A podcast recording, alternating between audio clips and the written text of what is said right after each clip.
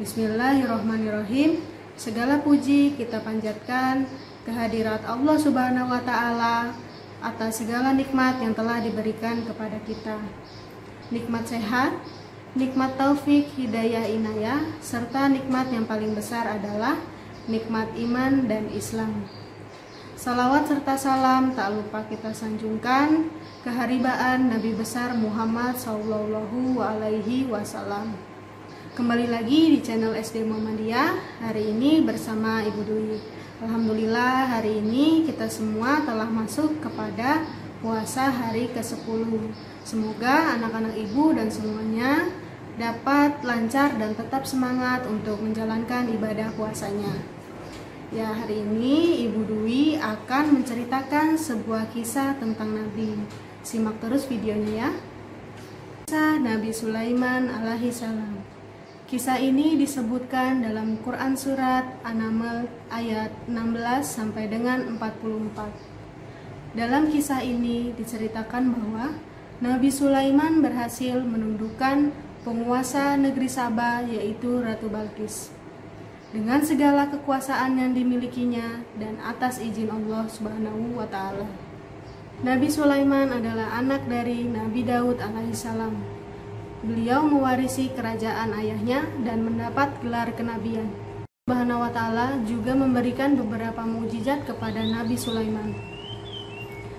Di antaranya seperti yang disebutkan dalam Quran surah An-Naml ayat 17. Dan untuk Sulaiman dikumpulkan para tentaranya dari jin, manusia, dan burung. Lalu mereka berbaris dengan tertib. Pada suatu hari, Nabi Sulaiman dan bara tentaranya melakukan perjalanan. Kemudian sampailah di suatu lembah yang banyak semutnya. Namun, tidak ada yang menyadari kecuali Nabi Sulaiman. Wahai semut-semut, ayo cepatlah kalian masuk ke sarang, agar kalian tidak terinjak oleh Raja Sulaiman dan rombongannya. Ayo, ayo, cepat, cepat lari. Siap, lakukan. Mendengar seruan Ratu Semut, Nabi Sulaiman tersenyum kemudian menghentikan langkahnya. Kemudian mereka menunggu rombongan semut berbondong-bondong masuk ke dalam sarangnya. Sebelum melanjutkan perjalanan, Nabi Sulaiman akan memeriksa satu persatu bala tentaranya. Kemudian sampailah di bangsa burung. Namun, Nabi Sulaiman merasa ada yang aneh. Apa aku tidak melihat hut-hut? Apa dia tidak ikut dalam perjalanan kali ini? Wahai Raja Sulaiman, sebenarnya tadi Hudhud terbang bersama kita. Namun, sekarang dia menghilang entah ke mana. Untungnya tidak lama kemudian burung hut-hut pun datang. Dari mana saja kau hut-hut? Maafkan hamba, karena pergi tanpa izin. Wahai Raja Sulaiman, sebelum menghukumku, sudikah engkau mendengar kabar dariku? Mungkin engkau belum pernah mengetahui tentang ini. Perihal apa itu, wahai hut-hut? Jadi sebenarnya di tengah perjalanan tadi hamba tertinggal dari rombongan. Terbang berputar-putar sampai akhirnya terdampar di suatu negeri bernama Sa'bah. Negeri itu dipimpin oleh seorang ratu perempuan, namun sayangnya hamba melihat ratu dan kaumnya menyembah matahari, bukan Allah Subhanahu wa taala. Apakah perkataan kamu ini dapat aku percaya? Kau sedang tidak mencari alasan agar lolos dari hukumanku kan? Wahai Raja Sulaiman, mana berani hamba berbohong kepadamu? Nabi Sulaiman mulai berpikir tentang kebenaran berita yang dibawa oleh burung hut-hut. Kemudian, Nabi Sulaiman menuliskan sebuah surat. Kalau begitu, aku ingin kau melakukan satu hal. Pergilah ke negeri Sabah dan bawa surat ini. Kemudian, jatuhkan di depan ratu kerajaan Sabah, lalu bersembunyilah untuk mengintai keadaan. Aku tunggu laporanmu di istana. Sesampainya di kerajaan Sabah, burung hut-hut masuk ke dalam istana dan menjatuhkan surat Nabi Sulaiman tepat di depan singgasana Ratu Balkis. Surat dari siapa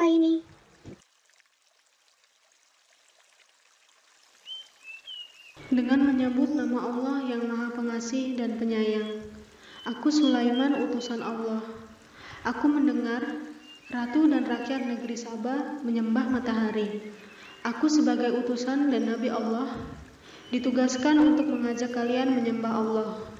Segeralah bertaubat sebelum datang kemurkaan Allah atas perilaku kalian, atau aku akan menundukkan kerajaan Sabah.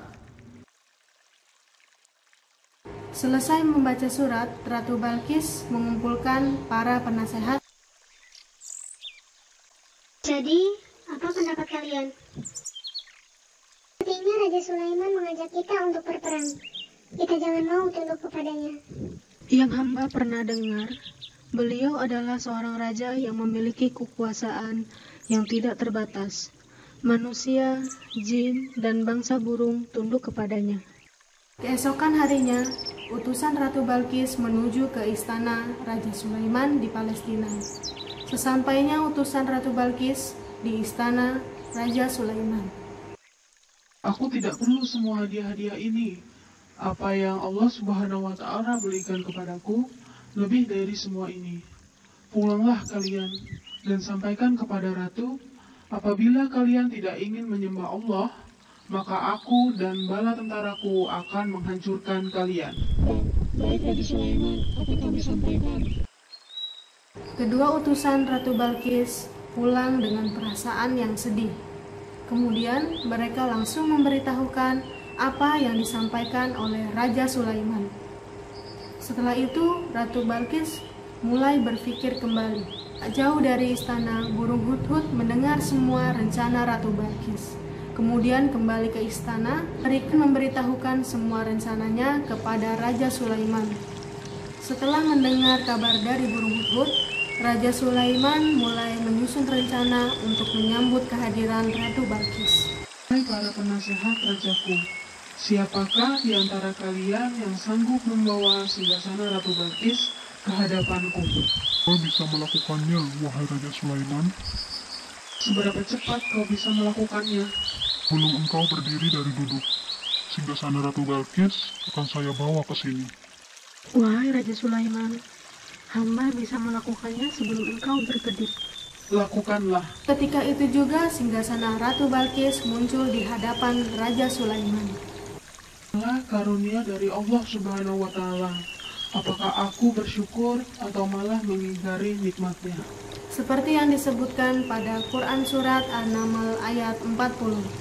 Barang siapa yang bersyukur, maka sesungguhnya dia bersyukur atas dirinya sendiri. Dan barang siapa ingkar, maka sesungguhnya Tuhanku maha kaya dan maha mulia. Nah, sedikit singgasana ini, kita lihat Ratu Balkis masih mengingatnya atau tidak. Satu lagi, ubahlah lantai ini menjadi berlapis kaca yang terdapat ikan-ikan di bawahnya. Rombongan Ratu Balkis telah tiba, dan Raja Sulaiman menyambut di depan pintu istana, kemudian memperlihatkan sebuah singgasana. Selamat datang di istanaku, wahai Ratu Balkis. Silahkan duduk terlebih dahulu. Ratu Balkis kemudian duduk di singgasana tersebut. Namun, Ratu Balkis merasa ada yang aneh. Inikah singgasanamu? Hmm, iya, ini sungguh persis dengan yang aku miliki. Ah, tapi tidak mungkin. Sebelum aku pergi, aku masih melihat singgasanaku berada pada tempatnya. Masuklah ke dalam istanaku, wahai Ratu. Ratu tidak henti-hentinya mengagumi keindahan istana Raja Sulaiman. Kemudian, pandangannya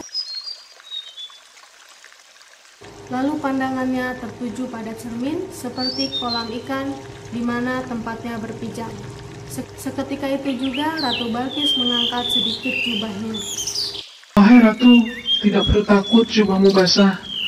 Ini hanyalah lantai yang berlapis kaca. Hah, benar juga. Wah, semuanya ini sekali. Ratu Balkis benar-benar terpesona kepada keindahan dan kekuasaan Raja Sulaiman. Dalam hatinya berkata, Aku tidak ada apa-apanya dibandingkan Raja Sulaiman. semua yang aku miliki adalah pemberian Tuhan pencipta alam semesta, yaitu Allah Subhanahu wa Ta'ala. Ya Allah, Sesungguhnya selama ini hamba telah zalim. Maafkan hamba. Mulai saat ini hamba berserah diri kepadamu, Tuhan pencipta alam semesta. Nah, demikianlah akhir kisah Nabi Sulaiman alaihissalam. Pembelajaran yang dapat diambil dari kisah ini di antaranya yang pertama, hendaknya kita bersikap rendah hati kepada kehebatan yang kita miliki, seperti yang diceritakan Nabi Sulaiman. Kenapa? Karena mungkin di luar sana masih banyak yang memiliki kemampuan lebih dari kita. Jadi kita tidak boleh sombong dengan sebesar apa pun kemampuan yang kita punya. Yang kedua, bersikaplah lemah lembut kepada makhluk Allah Subhanahu wa taala. Karena kita di dunia ini tidak hidup sendiri, tetapi akan selalu berdampingan dengan makhluk lainnya. Dan sebagai makhluk ciptaan Allah Subhanahu wa taala, yang paling tinggi, kita harus merawat tumbuhan dan juga hewan di sekitar kita. Yang ketiga, hendaklah kita selalu bersyukur atas karunia yang diberikan Allah dengan cara mengingatnya karena semua yang diberikan Allah adalah titipan dan kelak akan diberikan pertanggungjawaban di akhirat. Jadi, kita harus selalu bersyukur dengan apa yang kita punya hari ini karena nanti akan dipertanyakan dan dipertanggungjawabkan asal-usulnya. Ya, sekian untuk hari ini. Tetap jaga kesehatan ya. Ibu akhiri. Assalamualaikum warahmatullahi wabarakatuh.